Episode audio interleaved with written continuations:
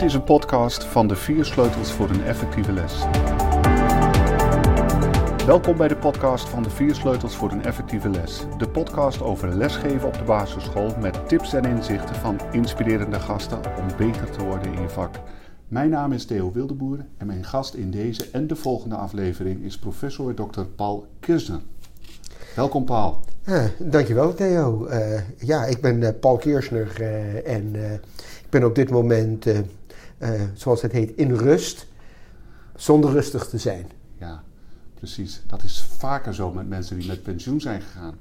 Ja, ik heb twee collega's, één in Duitsland en één in Australië. Ze hebben alle twee gezegd van, ik ben met pensioen gegaan om gewoon goed onderzoek en mijn werk te doen zonder alle romslomp eromheen. Ja. Prima, de toon is gezet hoor ja. al wel. Ja. Paul, we hebben afgesproken deze podcast met jou in twee stukken te knippen. In deze eerste aflevering spreken we over, nou ja, zoals jij het heel vaak noemt, broodje-aap verhalen of pedagogische onzinhypes in het onderwijs en de schadelijke uitwerking daarvan. En in de tweede aflevering gaat het dan weer, over het lesgeven zelf. Dus wat je de, tijdens de les vooral moet doen om het leren van kinderen positief te beïnvloeden. Bijvoorbeeld dat je vaak herhaalt. Nou, heel fijn dat je mijn gast wil zijn. Je bent sinds 1 juni emeritus hoogleraar onderwijspsychologie aan de Open Universiteit. En veel mensen in het onderwijs kennen jou denk ik wel van je boeken op de schouders van reuzen.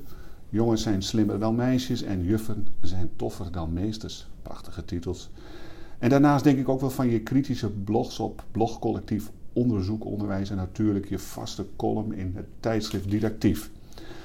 En toch is dit nog maar een deel van wat je doet, want je bent ook internationaal een veelgeprezen onderzoeker. Je ontving bijvoorbeeld een eredoctoraat in Finland en je bent betrokken bij internationale wetenschappelijke instituten. Nou, prachtig. Ik zou zeggen, Paul, wat is nou jouw boodschap voor het onderwijs en de leraar? Nou, uh, het is voor mij moeilijk om het uh, allemaal kort samen te vatten. Dat zal je wel merken in deze podcast. Maar uh, ik, heb, uh, ik zou zeggen van um, één, het is uh, belangrijk om te weten wat werkt. Mm -hmm. um, maar punt twee, het gaat niet alleen maar om wat werkt, maar het is belangrijk om te weten waarom en wanneer iets werkt. Dus zeg maar het verhaal achter datgene wat werkt. Je kan wel mooi zeggen van um, een bepaalde iets, zoals samenvatten, werkt of niet werkt. Maar je moet wel weten wat de theorie is, wat erachter zit, om te snappen wanneer het werkt, misschien zelfs wanneer het niet werkt, waarom het werkt, eh, onder wenselijke condities. Dus dat is het tweede. Wat werkt en het waarom verhaal uh, erachter. Uh, het derde is natuurlijk, het is belangrijk om te weten wat niet werkt. Mm -hmm. ja? Uh, wat zijn de mythes, de hypes, misschien zelfs de ingesleten waarheden. Mm -hmm waarvan ik zou niet zeggen dat het een hype is of zo, maar uh, iets waarvan men uh, aanneemt dat het klopt. Een heel mooi voorbeeld daarvan is als je iets, uh, als je wil leren, studeren, zeg ik het, lees het stuk nog een keer. Terwijl onderzoek laat zien dat een tweede keer iets lezen, en zelfs een tweede en een derde keer iets lezen, leidt misschien tot onmiddellijk wat betere scoren op een prestatietoets maar uh, op den duur helemaal niet, omdat ja, als je dit leest, dan denk je van dat, uh, oh ja, hey, dit, dat komt me bekend voor. Je zou kunnen noemen de vloek van familiarity, van uh, bekendheid. Dus het komt je bekend voor. En dan denk je, ik heb het geleerd. Ja. En het is geen hype, het is gewoon ingesleten, het klinkt wel logisch, maar het klopt niet. Dus het is belangrijk om te weten wat niet werkt en waarom het niet werkt. Dus de faalfactoren, zou je kunnen zeggen. En uh, het, uh, uiteindelijk um, dat men een beetje ver weg moet blijven van um, uh, romantische ideeën van wat onderwijs is of zou moeten zijn. Maar wat, zijn, wat zijn, dan, wat zijn dan romantische ideeën? ja, nou de meest bekende is. we, een kind is vanuit zichzelf een onderzoekend wezen. En dus de docent moet zich op de achtergrond blijven, het kind alles en nog wat laten ontdekken. En zo zal het leren beter gaan. En dat is gebaseerd um, op uh, een romantisch idee van Rousseau. Mhm. Wat heel gek is, omdat uh, Rousseau heeft zijn eigen kinderen gewoon afgestoten, uitbesteed aan een andere. En heeft 0,0 gedaan aan de opvoeding of opleiding van zijn eigen kinderen. Emile is eigenlijk een, een stuk fictie, maar die wordt gebruikt als zeg maar basis van een pedagogisch inzicht van hoe je het zou moeten doen. Er zit een greintje waarheid erin. En dat is dat kinderen vanaf de geboorte zijn enigszins onderzoekend. Ja? Ze leren een heleboel dingen zonder enige instructie. Is dat, is dat onder, sorry Paul, is dat onderzoekend of meer nieuwsgierigheid? Nou ja, het is afhankelijk van hoe je het wil noemen, maar ze onderzoeken hun omgeving. Als een kind uh, pas geboren is, um, onderzoekt hij of zij haar of zijn omgeving. Uh, uh, kijkt maar rond, uh, gaat in interactie met andere, andere kinderen, andere mensen. en leert daarvan, zoekt contact met anderen. Maar dat zijn allemaal dingen die broodnodig zijn om ja, je fort te planten. Als je um, geen, niet kan communiceren met je ouders, ja, je verzorgers, ben je ten dode opgeschreven. Als je niet um, mensen van je eigen ingroep om het zo te noemen, kan herkennen, en ook mensen die niet in je groep herkent, kan het wel betekenen dat je bij een andere stam of wat dan ook gedood wordt.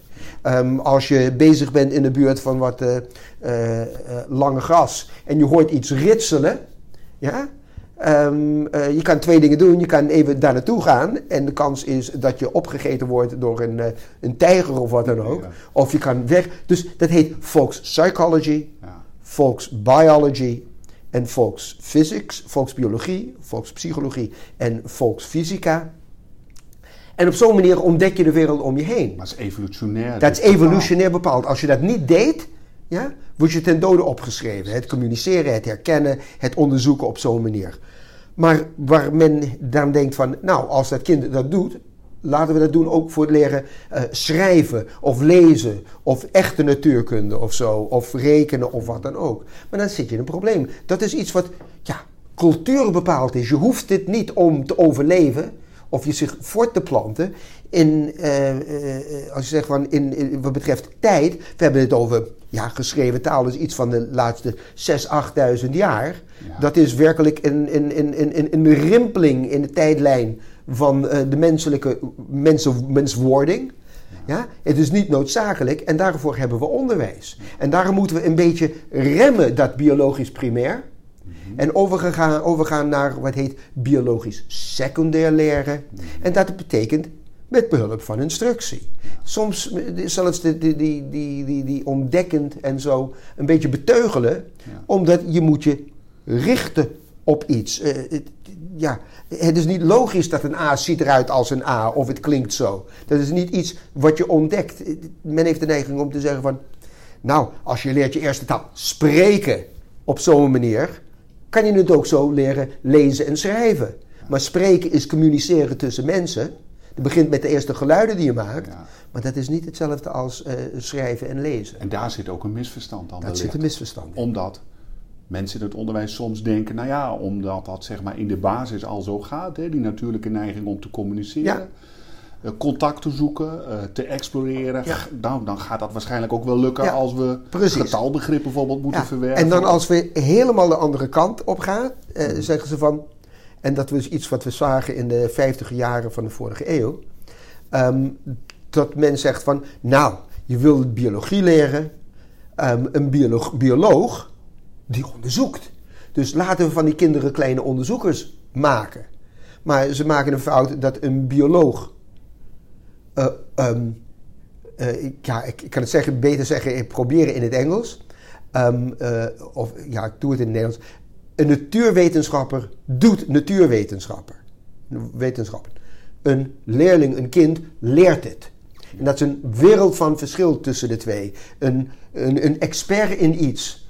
Um, die heeft heel andere uh, cognitieve schema's in zijn of haar hoofd. Uh, uh, veel breder, veel rijker, veel dieper. Denkt anders dan een lerende. En dus, het is eigenlijk de, wat we noemen de epistemologie van de natuur, van de wetenschapper.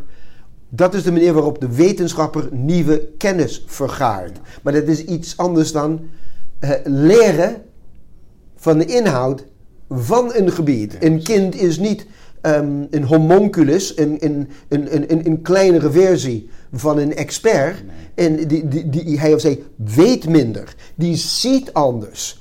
Uh, die denkt anders. En dus die legt de verbanden niet. Die kan die verbanden niet leggen, omdat die mist de cognitieve schema's om dat te doen. Dus ja, dat onderzoeken, dat doen we aan het begin. Dat doen we als we een expert. En daartussen, dat is een periode waar goede instructie een rol nodig speelt. is. En ook nodig is. Ja.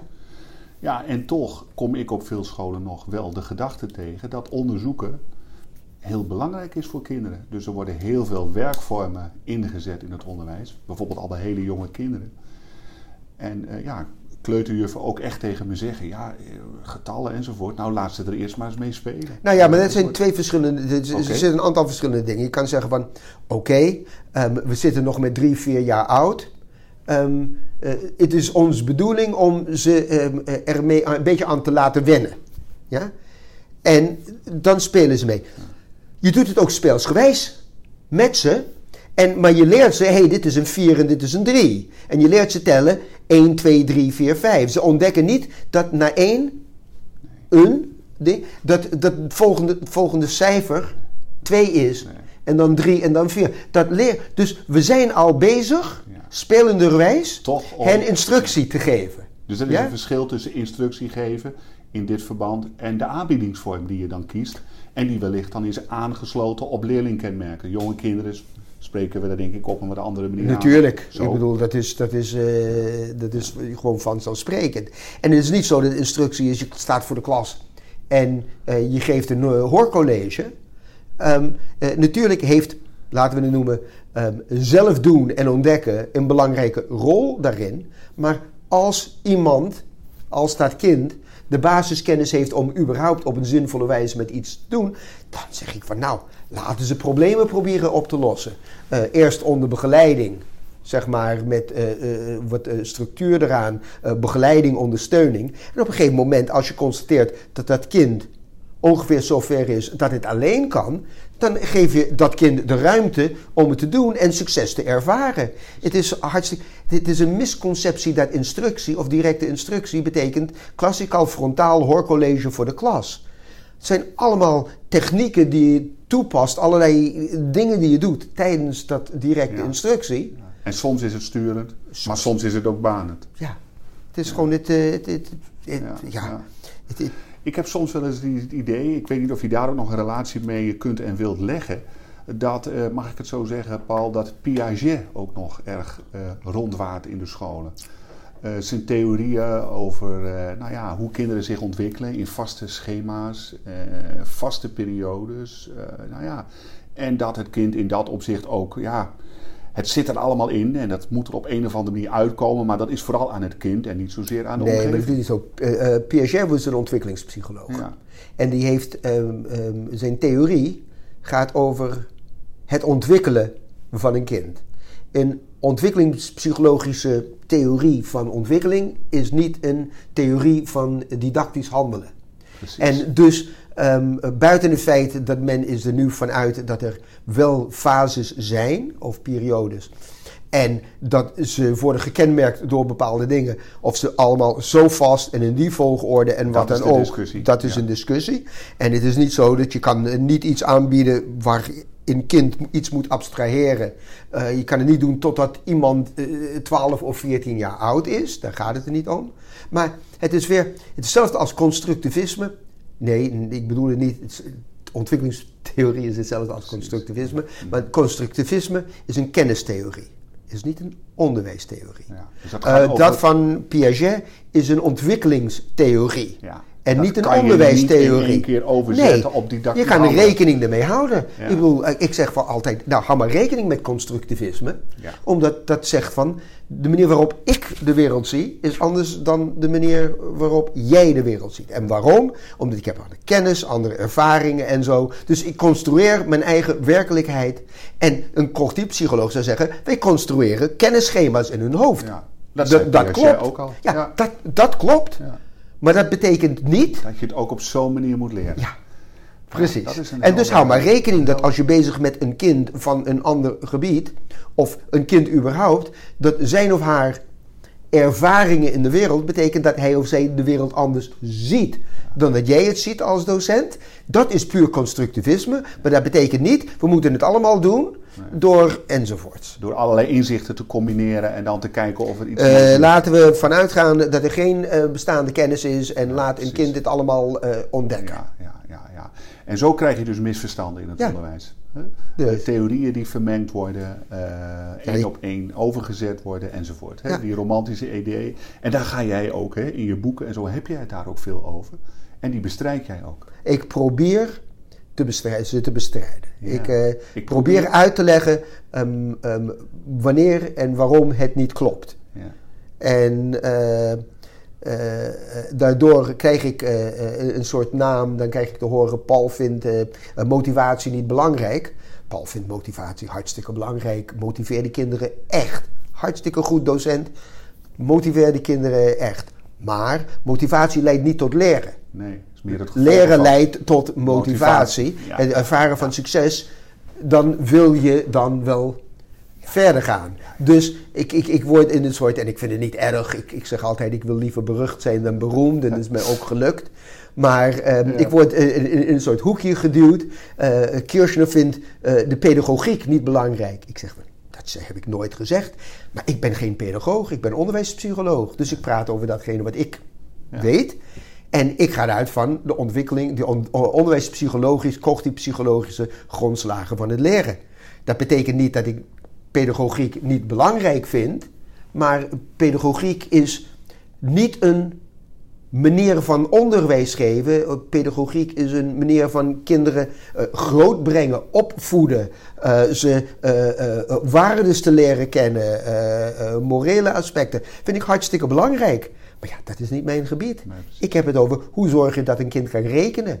Of spellen, of lezen, of wat mij betreft een, een, een motor in elkaar zetten en uit elkaar halen. Daar ga ik over. En zitten op dat punt hè, um, grote verschillen tussen hoe leerlingen leren of hoe volwassenen leren? Of zou je kunnen zeggen, nou ja, leren is leren. Even los van dat onderscheid wat je maakt tussen expert en beginneling. Maar ja. Nou, daar kan ik niet los van zien, omdat okay. dat is een, uh, iets. Um, in, in, in, in, als je zegt van een niet deskundig volwassen of een niet deskundig kind. Ja, leren op dezelfde wijze. We hebben dezelfde cognitieve architectuur, ook de, uh, uh, dezelfde belemmeringen daarvoor. Um, wat we, dus dat is het probleem met de wetenschapper die zegt alles is genuanceerd. Die komt niet met die uitspraken ja of nee. Um, in die opzicht leren ze op dezelfde wijze. Maar ja, een volwassen heeft uh, veel meer ervaringen. Dus dat betekent um, uh, de kans om gebruik te maken van analogieën en voorbeelden en zo is veel groter bij een volwassen dan meer bij een kind. Meer, meer voorkennis. Ook al is het niet over het gebied. Soms is het zelfs, uh, dus met een volwassen, belangrijk om um, iets af te leren. Ja. Wat bemoeilijkt het leerproces, ja. omdat als je geleerd hebt om te programmeren in een declaratieve taal, zoals uh, zeg maar Pascal of, uh, of zo, dan over te gaan naar een objectgeoriënteerde taal, moet je eerst afleren de normale manier van als dan en wat dan ook ja. uh, te gebruiken. Omdat dan ga je steeds denken in termen van um, een andere structuur, andere schema's die niet werken. Daarom bij, bij um, zo'n wijze van programmeren. Daarom is het zo moeilijk om over te gaan van, ja, ik, uh, uh, Word Perfect, ik herinner van jaren geleden, ik ben een oude, over naar Word. Ja. Omdat Word Perfect was heel anders opgezet, op, op, echt op Word niveau, waarin je een onderwaterscherm had. En Word was gebaseerd op documentniveau. Ja. En je gaf een stijl voor een document. Nou, ik wist niet waar ik dingen moest zoeken. Ik was onthand de eerste half jaar dat ik ermee deed. Ik moest afleren van nee, ik doe het niet op zijn Word Perfects. Ik moet het op een je andere manier. een nieuw schema opbouwen. Precies, het is omdat ik het in mijn hoofd had. Ja. Een kind begint blank, niet blanco, maar in ieder geval ten aanzien van leren programmeren of rekenen of zo, heeft van die volks fysische iets van 1, 2, veel en zo. Maar heeft niet een hele stel schema's die hij of zij gebruikt om iets te doen. Die moet juist die schema's gaan ontwikkelen. En onze taak als onderwijsverzorgende om hem of haar te helpen. En daar zit dan een belangrijk verschil tussen volwassenen en hoe leerlingen leren. Nou ja, ik breng dit punt naar voren, Paul, omdat ehm, ja, we in het onderwijs momenteel ook heel veel spreken met elkaar en discussiëren met elkaar over uh, afstemmen op verschillen. En ook vanuit het idee, ja, we leren allemaal op hele verschillende manieren. En, en ja, dan moet onze aanpak en strategie dan ook helemaal op gericht zijn. Ja, dat is, dat, dat is weer iets wat wel en niet klopt. Um, Nee, we kunnen niet, uh, als we 30 leerlingen in de klas hebben, uh, op 30 verschillende manieren iets, iets aanbieden. Um, wat we wel kunnen doen, is rekening houden met de beperkingen van een leerling. En dat is dat je ehm, sommige kan je grotere stappen aanbieden, sommige Precies. kan je kleinere stappen aanbieden. Um, en dat moet je weten. Dat stappen hebben we allemaal nodig. Ja, en um, we weten dat sommige kinderen leren om um, het echt te beheersen, omdat ze goed in willen zijn. En anderen leren om een goede cijfer te krijgen. Nou, dat betekent de manier waarop je terugkoppeling geeft aan de een. Of een soort opdracht wat je geeft aan, aan de ene. Het kind die het voor beheersing doet. Ik wil het doen omdat ik, ik wil goed in iets zijn. Ja. ja? Als die een probleem tegenkomt en uh, het niet kan oplossen, die wordt vaak intrinsiek gestimuleerd om het toch te doen. Die zal niet gauw ophouden. Ja. Zij is een doorzetter. Als een kind wil dat doen om een goede cijfer en iets tegenkomt wat niet goed gaat, dan zit de kans dik in dat de volgende opdracht die hij of zij kiest op hetzelfde niveau is of een lager niveau, omdat hij wil presteren en die cijfer krijgen.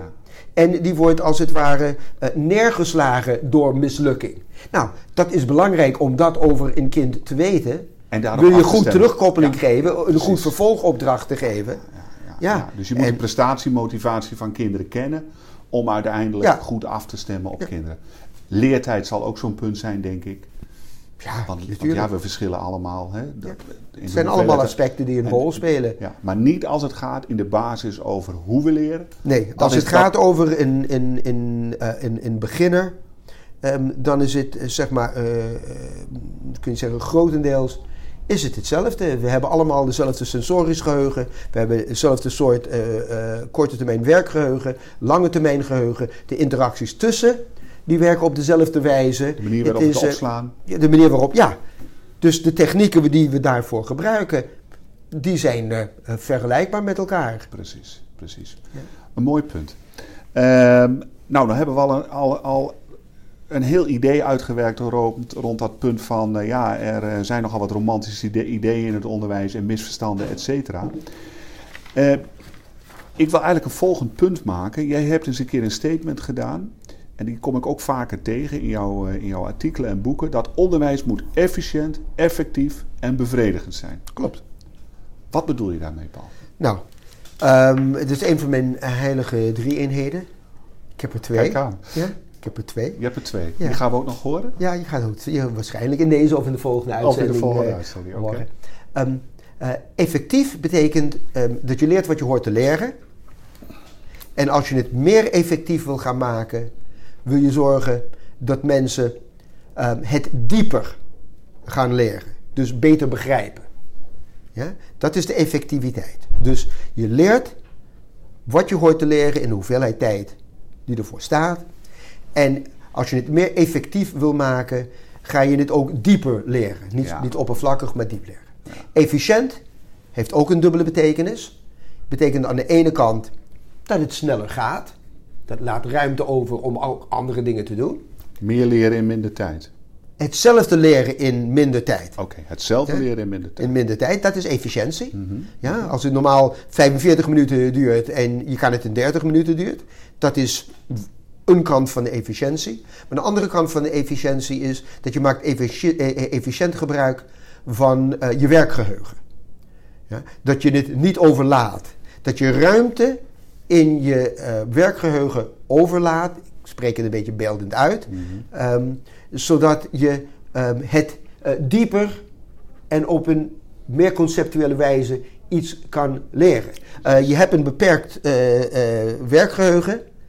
En als je het over gaat laden door ineffectieve en inefficiënte onderwijs- of leerstrategieën, betekent dat de, je, je, je, de, de ruimte die aanwezig is voor het, echt het werkelijk leren en goed leren, dat het er niet aanwezig is. En maar gaat alleen maar tot een bepaald punt en dan loopt dit over. Dus, dat is uh, efficiëntie. En de derde is uh, bevredigend. En dat bevredigend betekent niet dat het, dat het uh, leuk of fun of, of, of, of zoiets is. Het is altijd mooi als dat meegenomen kan worden. Maar leren is moeilijk. Iets goeds doen is moeilijk. En de oefening die je daarvoor moet doen, proberen nou uh, uh, uh, goed te leren schaatsen. En dat, dat kost je moeite, dat gaat echt niet vanzelf. Enjoyment betekent, of een bevrediging in het, in het Nederlands, dat je een gevoel hebt van succes, van voldoening, als je daarmee bezig en klaar bent. Dat je het gevoel hebt van, hé, hey, ik kan het. Hoe klein de stap ook, is. En je kan iemand proberen, nou, laten we over schaatsen, zelf laten ontdekken om pootje over. En eh, twintig keer achter elkaar op een schaatsbaan constateren dat het toch niet gaat. Of je kan een goede instructie geven waarin iemand ineens merkt: hé, hey, ik kan versnellen in de bocht. Ik ga niet langzamer. Ja, die is geen Gerard Kemkers en die is uh, ook uh, ja, geen professionele schaatser op dat moment. Maar die merkt, hé, hey, dat kan. En dan de volgende keer wil je nog meer, omdat je wil nog meer versnellen in de bocht. En dan komt de trainer en zegt van, dat is wel leuk, maar je moet ook zo leunen daarin. En die krijgt het gevoel van, hé, hey, ik kan het. En dan kom je weer terug naar de schaatsbaan. En het is hetzelfde met het uh, leren in, in, rekenen of lezen. Het gevoel van aan het einde van een les van, ik ben verder dan waar ik was toen ik binnenkwam. Ik kan iets. Dat gevoel van voldoening. Ja. Ja, dat is bevredigend. Ja. En dan Versterkt zeg ik van geloof in eigen kunnen en dan, en dan wil je ook door. En dan wil je ook doorgaan. En dus dat is het idee. Daar, dat gevoel, dat de bevrediging ja. leidt tot motivatie. Ja. Omdat dan heb je een idee van, hé, hey, ik kan het. Ik wil het nog beter. Ik wil nog verder. In plaats van, ik ben een kneus. En met dat ontdekkend leren, dan loop je voortdurend, of noem het trial and error, of wat je het ook wil, wil noemen. Door steeds tegen een muur aan te lopen, krijg je het gevoel dat je het niet kan. En dus de motivatie die je had aan het begin, ben je op een gegeven moment, ik zou het bijna zeggen, gauw kwijt. Omdat je denkt van, ja, dus ik kan het niet. Ja. Dit is niet voor mij, ik heb er geen talent voor, ik kan het niet. En, en dus uh, het dooft heel snel uit. Ja, ja, ja, ja. Leidt tot demotivatie. Ik vind een prachtig onderscheid. Eh, maar goed, je hebt het nu vooral over de leerling. Ik heb het maar, ja, maar ook over de docent. Maar hoe werkt dat dan voor de docent? Ja, omdat de docent wil ook effectief onderwijs geven. En zijn of haar onderwijs op een effectieve wijze. Dat aan het einde van de les behandeld is wat behandeld moest worden. En dat de kinderen geleerd hebben wat ze hadden moeten leren. Die wil dat het efficiënt is. Die wil uh, niet meer tijd aan besteden en meer uh, uh, ja, effort. Ja, ik weet niet welk Nederlands woord ik zou maar. Opbrengstgericht. Ja, ja. Wat? Opbrengstgericht? Nee, effort is de hoeveelheid moeite die oh, je voor moet doen. Inspanning. inspanning ja. ja. En bevrediging. Ik bedoel, de docent die aan het einde van de dag naar huis gaat en denkt van... mijn kinderen hebben wat geleerd vandaag. Ja. Dat is veel beter dan die docent die naar huis gaat en denkt van... Jongen, wat ging het slecht vandaag? Ze hebben niks, ze hebben niet geleerd wat ze moesten. En dan gaan ze denken, ligt het aan mij? Vaak zeggen ze van, ligt het aan de kinderen die waren niet voorbereid? Of weet ik veel wat.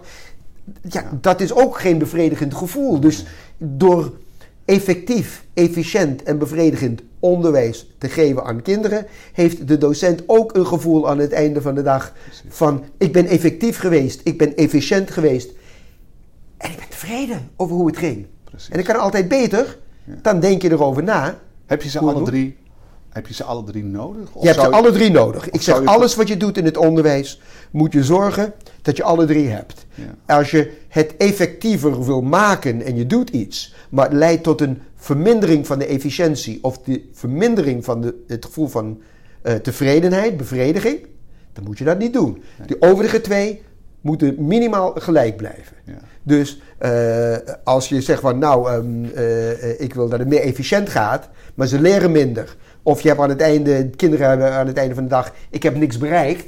Ja, dan is dat ook niet goed. Dus minstens één verbeteren, mits de overige twee gelijk, Gelijk blijven. blijven, ja. Krijg je twee van de drie voor elkaar? Nou, perfect. En alle drie, dan... Ik geef het telefoonnummer van de paus in Rome en kan je eh, je, je, je aanmelden voor een zaligverklaring. Oké. Nou, dat is... eh, Als we het over heilige drie eenheden. Over de heilige drie eenheden hebben, ja. Heel goed. Ehm, je had het net even over samenwerken. Ja? En leren samenwerken. Nou, dat- samenwerken leren en leren samenwerken Ja, zijn twee verschillende zijn, dingen. zijn twee verschillende dingen. Maar goed, eh, deze termen komen ook nog eens langs in het kader van de 21 eeuwse vaardigheden. Kritisch denken, leren wie je bent, leren samenwerken enzovoort.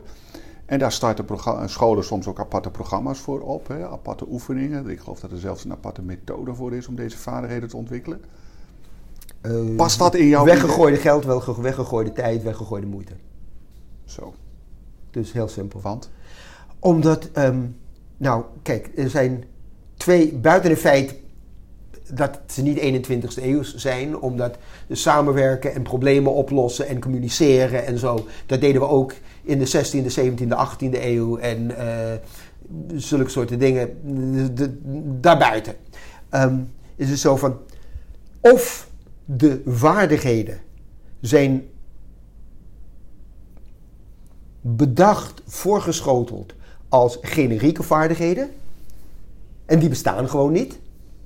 Je kan niet communiceren met een ander over iets als je geen kennis ervan hebt. Je kan niet samenwerken met iemand anders aan iets als je geen kennis hebt van waar je over je aan het samenwerken. Je kan geen probleem oplossen zonder kennis te hebben van waar het probleem over gaat. Je kan wel een reeks stappen leren, maar dat is procedurele kennis. Dat is niet een vaardigheid. Moet een vaardigheid is in staat zijn om de procedure met succes uit te voeren. Ja? Dus er is zonder de basiskennis, je kan geen probleem in het schaken oplossen zonder te weten hoe je moet schaken. En je kan geen creatieve oplossing voor een schaakprobleem zonder heel veel kennis van schaken te hebben. Het is altijd binnen een domein waar je het doet. Ik ben een onderwijspsycholoog. Ik heb inmiddels zeg maar in de buurt van 400 artikelen geschreven. Dus zeg maar 400 onderzoekingen uitgevoerd. En ik weet precies hoe het moet en ik kan het zonder probleem. Maar je moet niet aan mij vragen om een bedrijfseconomisch eh, onderzoek te gaan doen. En je moet niet aan mij vragen om een juridisch onderzoek te doen. Omdat ik weet niks van de inhoud. Ik weet dat het waarschijnlijk dezelfde stappen zijn. Definieer eerst je problemen. eh, ga maar een methodologie zoeken en wat dan ook. Maar als ik de methode van de bedrijfseconomie niet ken of van de juri- juridisch onderzoek, kan ik moeilijk een juridisch onderzoek of een bedrijfseconomisch onderzoek gaan uitvoeren. Dus dat is probleem 1. Die zijn niet generiek. Ja. Punt 2. Je hebt over dingen zoals creativiteit, flexibiliteit. Dat zijn eh, karaktertrekken. Dat zijn geen vaardigheden. Die zijn niet aan te leren. Je kan een situatie creëren waarin ze misschien tot uiting ko- kunnen komen.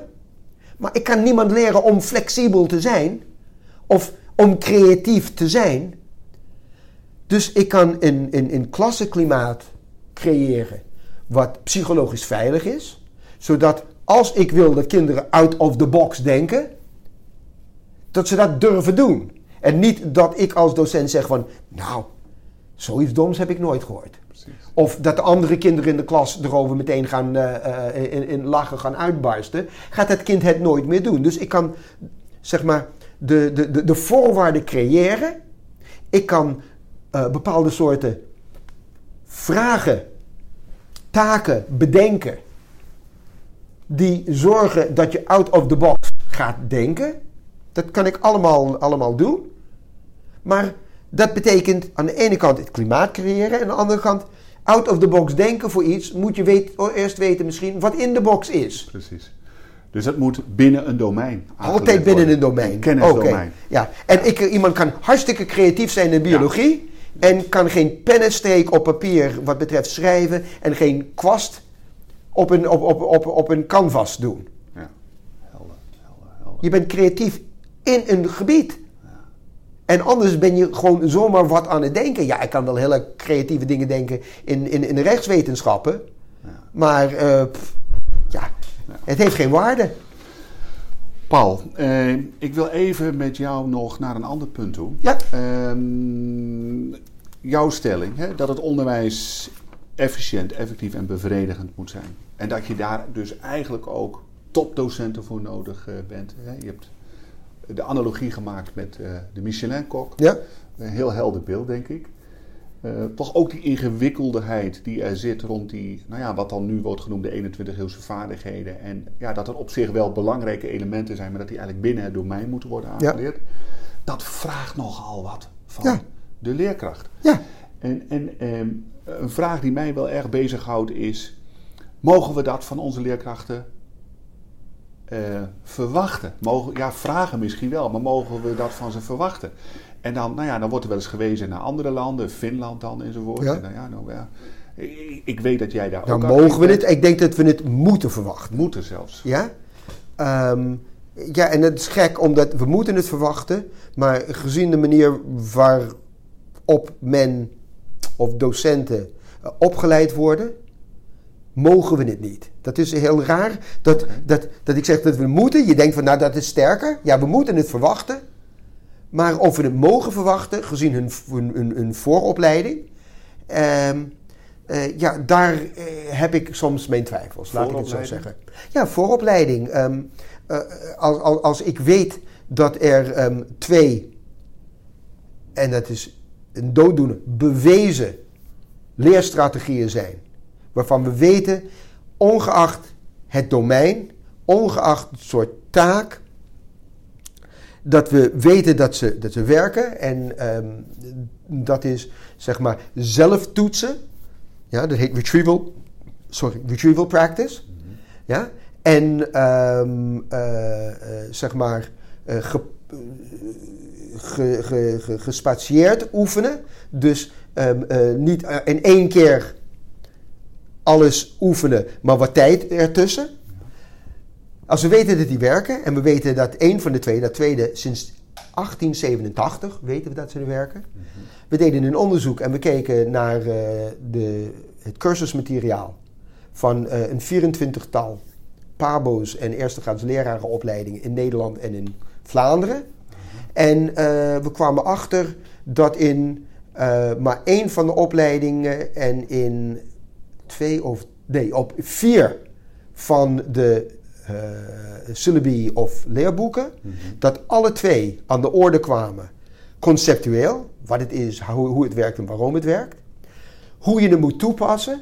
En ook nog eens een keertje die oorspronkelijke bronnen, dat mensen terug konden kijken naar de oorspronkelijke literatuur. In maar vier van de eh, leermaterialen voorkwam. En allebei op alle drie die niveaus in maar één opleiding in Nederland en Vlaanderen voorkwam. Dan geeft het je te denken. Ja. Het stond wel in het boek. eh, leerstijlen, eh, leerpyramides, eh, multiple intelligences, eh, petten, hoeden en wat dan ook. Ja. Stonden allemaal in. Ja. Maar twee waarvan we weten, stel je voor Dat een, een, opleiding Ja. voor arts, waarin staat niet hoe penicilline werkt en waarom, maar staat wel in iets met eh, homeopathie, wiggelroede en eh, handenoplegging. ja. Nou, ja.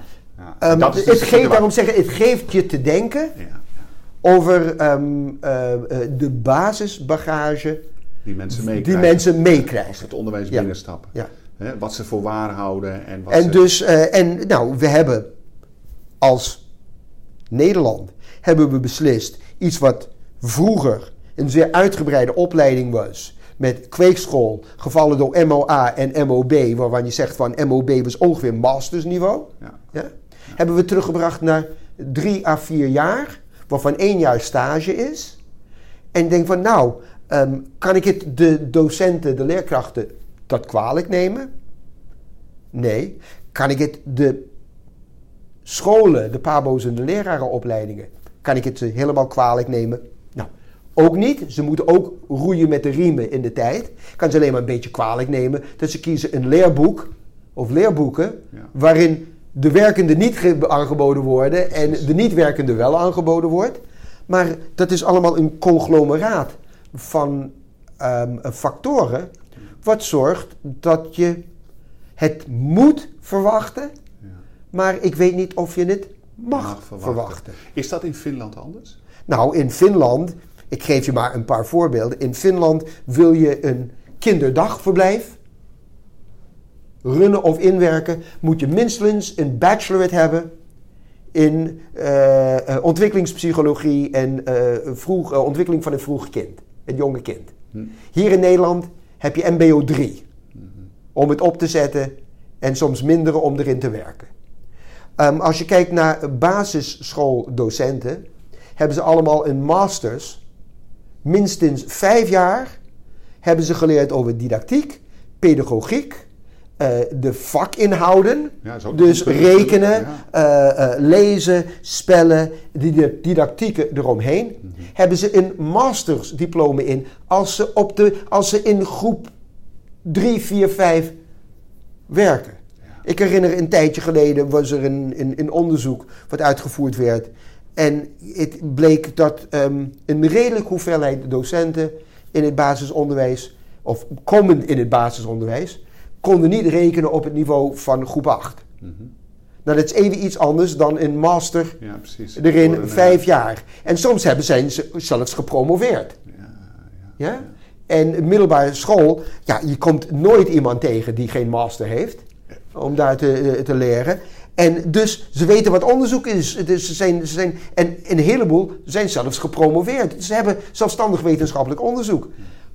Maar ze zijn geen biologen. Die zijn docenten biologie. Dus ze hebben ook geleerd over de vakdidactiek. Het is niet van je bent gepromoveerd in de biologie, dus je kan biologieles leven, Nee. eh, eh, leveren. Dat is niet zo. Meestal niet zelfs.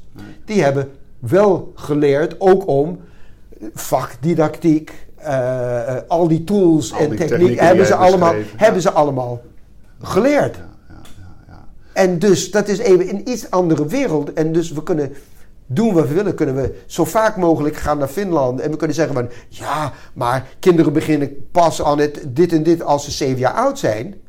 Maar denk maar wat voor begeleiding ze hebben gehad tussen de tijd dat ze 2, 3 tot en met 7 waren. En vergelijk dat met op de kleuterschool of op de crash hier in Nederland. Dat is gewoon een wereld van verschil. Dus ja, eh, Daar is werk aan de winkel. dat is werk aan de winkel. En eh, met al jouw publicaties, eh, prikkel jij daar ook Ik natuurlijk, hoop het. En daarom heb ik, ik zal niet zeggen afgestapt, omdat ik maak, ik doe nog steeds onderzoek en wetenschappelijke publicaties. Maar een jaar of, denk ik, inmiddels tien geleden, heb ik me bedacht van, eh, nee, ik moet zorgen dat datgene wat ik weet, ehm, dat eh, leerkrachten ook te weten komen. Dus ik ben begonnen met eh, tijdschriften zoals van 12 tot 18 in didactiek, didactief, om ehm, eh, onderzoek over dingen die in het onderwijs te vertalen naar leerkrachten. Met, goddank, hulp van eh, top eh, eh, eh, redactrices bij alle twee. De, de, de bladeren die mijn zeg maar povere poging tot schrijven op het niveau. Oh. Dat een docent, nee, dat meen ik serieus. Een, een, een, een leerkracht. En niks ten nadeel, maar mijn jargon is niet die van hen en andersom. Die hebben eh, Renske Valk en eh, Monique, die hebben, ja, Mareveld, sorry, ik moet ook de achternaam van haar, Monique Mareveld, die hebben me keer op keer geholpen om het op zo'n manier te schrijven. Om het aan ze over te brengen. Om toegankelijk. Ja, ook eh, zoals op de schouders van reuzen. Ja, ja. Om het op zo'n manier te, eh, te schrijven. Ik probeer het nu op een manier te doen. Zodat docenten er wat aan hebben. En ik hoop dat ze er wat aan hebben. ja, ja. Ik hoor daar heel veel goede berichten over. Nou, daar ben ik blij mee. Maar eh, het met heel veel waardering. Eh, Paul, ik moet afronden deze podcast, maar niet voordat ik nog een laatste vraag heb gesteld. oké. Ehm, Ik zou bijna, als, als dan, ja? ik zou bijna willen zeggen, iedere vraag kan een laatste vraag zijn. Ja, iedere vraag kan al. Ja. Dat is natuurlijk ook weer zo in filosofische zin. Je vindt altijd alles Eh, iets in de laatste plaats waar je gezocht hebt. Zeker, zeker, zeker. Ja, dan worden we filosofisch ook nog aan het einde Ja, van deze oké, dat hoort. Dat is mooi. Oké. Eh, kennis over leren en hoe belangrijk dat is voor de docent, daar hebben we het uitgebreid over gehad. En dan ja, is dan toch een beetje, blijft mijn vraag wel in mijn hoofd rondspelen. Hoe komt die leraar aan al die kennis? Hè? We hebben in Nederland eigenlijk, kijk, we hebben jou en we hebben een aantal andere mensen die dingen naar voren brengen. Maar we hebben in Nederland toch niet een, mag ik het zo zeggen, een gerenommeerd instituut rond instructie of lesgeven. En is dat niet eigenlijk een groot gemis? Hè? Al- Als je het er al mee eens zou zijn met die stelling, is dat dan niet eigenlijk een groot gemis? Zou zo'n instituut niet juist ook de kloof tussen onderwijs en wetenschap nog verder kunnen verkleinen? Ehm, het zou een rol erin kunnen spelen. Ja? Ehm, eh, zodra als ik het zeg, dan ziet iedereen van, oh, hij wil een uh, Korti Belastingsinstituut die het gaat doen. En er zit geen eh, pedagogiek in, of eh, er zit geen motivatieleer of zelfdeterminatietheorie of wat dan ook in. Dus als je dat doet, moet je goed zorgen dat het ehm, eh, eh, niet een of andere eh, doctrine, behalve hoe men leert, Ja. ja? En hoe je dan vanuit kennis van hoe men leert kan komen tot eh, hoe moet je dan mensen helpen leren. ja? Dus instructie ervan maken. Eh, als je dat kan doen op zo'n wijze, dan zou het misschien de moeite waard zijn om daaraan te beginnen. Maar je kan ook andere dingen doen. Je kan ehm, bijvoorbeeld, ik heb het met ehm, NRO over gesproken, met eh, Jelle Kaldewij. Ehm, dat je zou moeten zorgen dat ehm, ieder onderzoek wat NRO financiert, dat niet alleen maar een wetens- wetenschappelijke publicatie uitkomt, maar ook vakpublicaties uitkomen. Dat eis ik van mijn promovendi. Maar niet alle promotoren, en het is niet dat ik geweldig ben, maar eh, zo denk ik. Zo, en ik deed het ook geen 15 jaar geleden Ja, dat het zo ja. moest. Dat is geen, echt geen de laatste tien. torens, maar Nee, nee. de verbinding Dus- zoeken met... en die kunnen ze moeilijk doen. Dus zoals ik zeg, ik ben ook een, een, een kneus erin. En ik heb hulp van goede redact, eh, redactie ervoor. Dan zou ehm, eh, NRO niet kunnen kijken van hoe kunnen we zorgen dat datgene wat de, de, de promovendus samen met zijn of haar promotoren schrijft voor de, de, de, de groeigemeenschap, dat het ook op een manier geschreven is, zodat de docenten er wat aan hebben Ja. om zeg maar, de, eh, zeg maar ehm, hoe heet dat, Eh, wetenschappelijke communicatie. Ja. Ja? Eh, dat doet. Maak maar een fonds voor of zet een database ervoor op met één of twee dedicated redacteuren daarin die dan de promovendi help, helpen om dat te doen. Omdat als ze op hun eigen knullige wijze, zoals ik het doe, zomaar aan de docenten geven, eh, lusten de docenten, hoe goed ik het ook probeer te doen, Ja. lusten ze Dus, geen brood. dus het is niet een kwestie van ja, richt maar een instituut op. Het gaat eigenlijk ook over de houding en de intenties die je hebt. Eh, als je als wetenschapper aan de slag bent, realiseer je dan ook dat je ergens voor aan de slag bent. Ja, maar als je aan en verbind ja. het met. Hè? Dat Ja, als je dat instituut maakt, dan kan je geweldig onderzoek doen Ja. naar de beste manier van leren. In plaats van dat in Groningen doen ze onderzoek en in Heerlen doen ze onderzoek en in, in, in, in, in, in Enschede doen ze onderzoek. Zou wel leuk zijn, maar dan heb je een geweldig op zijn een, een, Duits eh, eh, eh, instituut, een Max Planck instituut Ja. voor onderwijspsychologie, heb je opgericht. Maar dat garandeert niet dat datgene wat uitkomt gebruikt kan en gebruikt zal worden door de docent, door de leerkracht. Er is missiewerk, er is vertaalwerk nodig. En ja, daar heb je ook deskundigen daarvoor nodig om het te doen. Anders creëren we gewoon alleen maar topniveau onderzoek. Maar het, Het werkveld heeft er eh, Heeft toch uiteindelijk heel weinig eraan. Dus, eh, Dus dat is alleen een maar één, deel. Ja. ja, helder. We moeten afsluiten. Ik wil je tot zover ontzettend bedanken, Paul. Fijn dat je mee wilde werken aan dit eerste deel van de podcast over nou ja, onderwijsmythen en hoe we ons hiertegen te weer kunnen stellen. In de volgende aflevering spreken we elkaar opnieuw, maar dan meer over het lesgeven zelf. Dit was een podcast van de vier sleutels voor een effectieve les. Met als gast professor Dr. Paul Kirsten. Wil je meer podcasts over lesgeven op de basisschool horen? Bezoek dan onze website www.deviersleutels.nl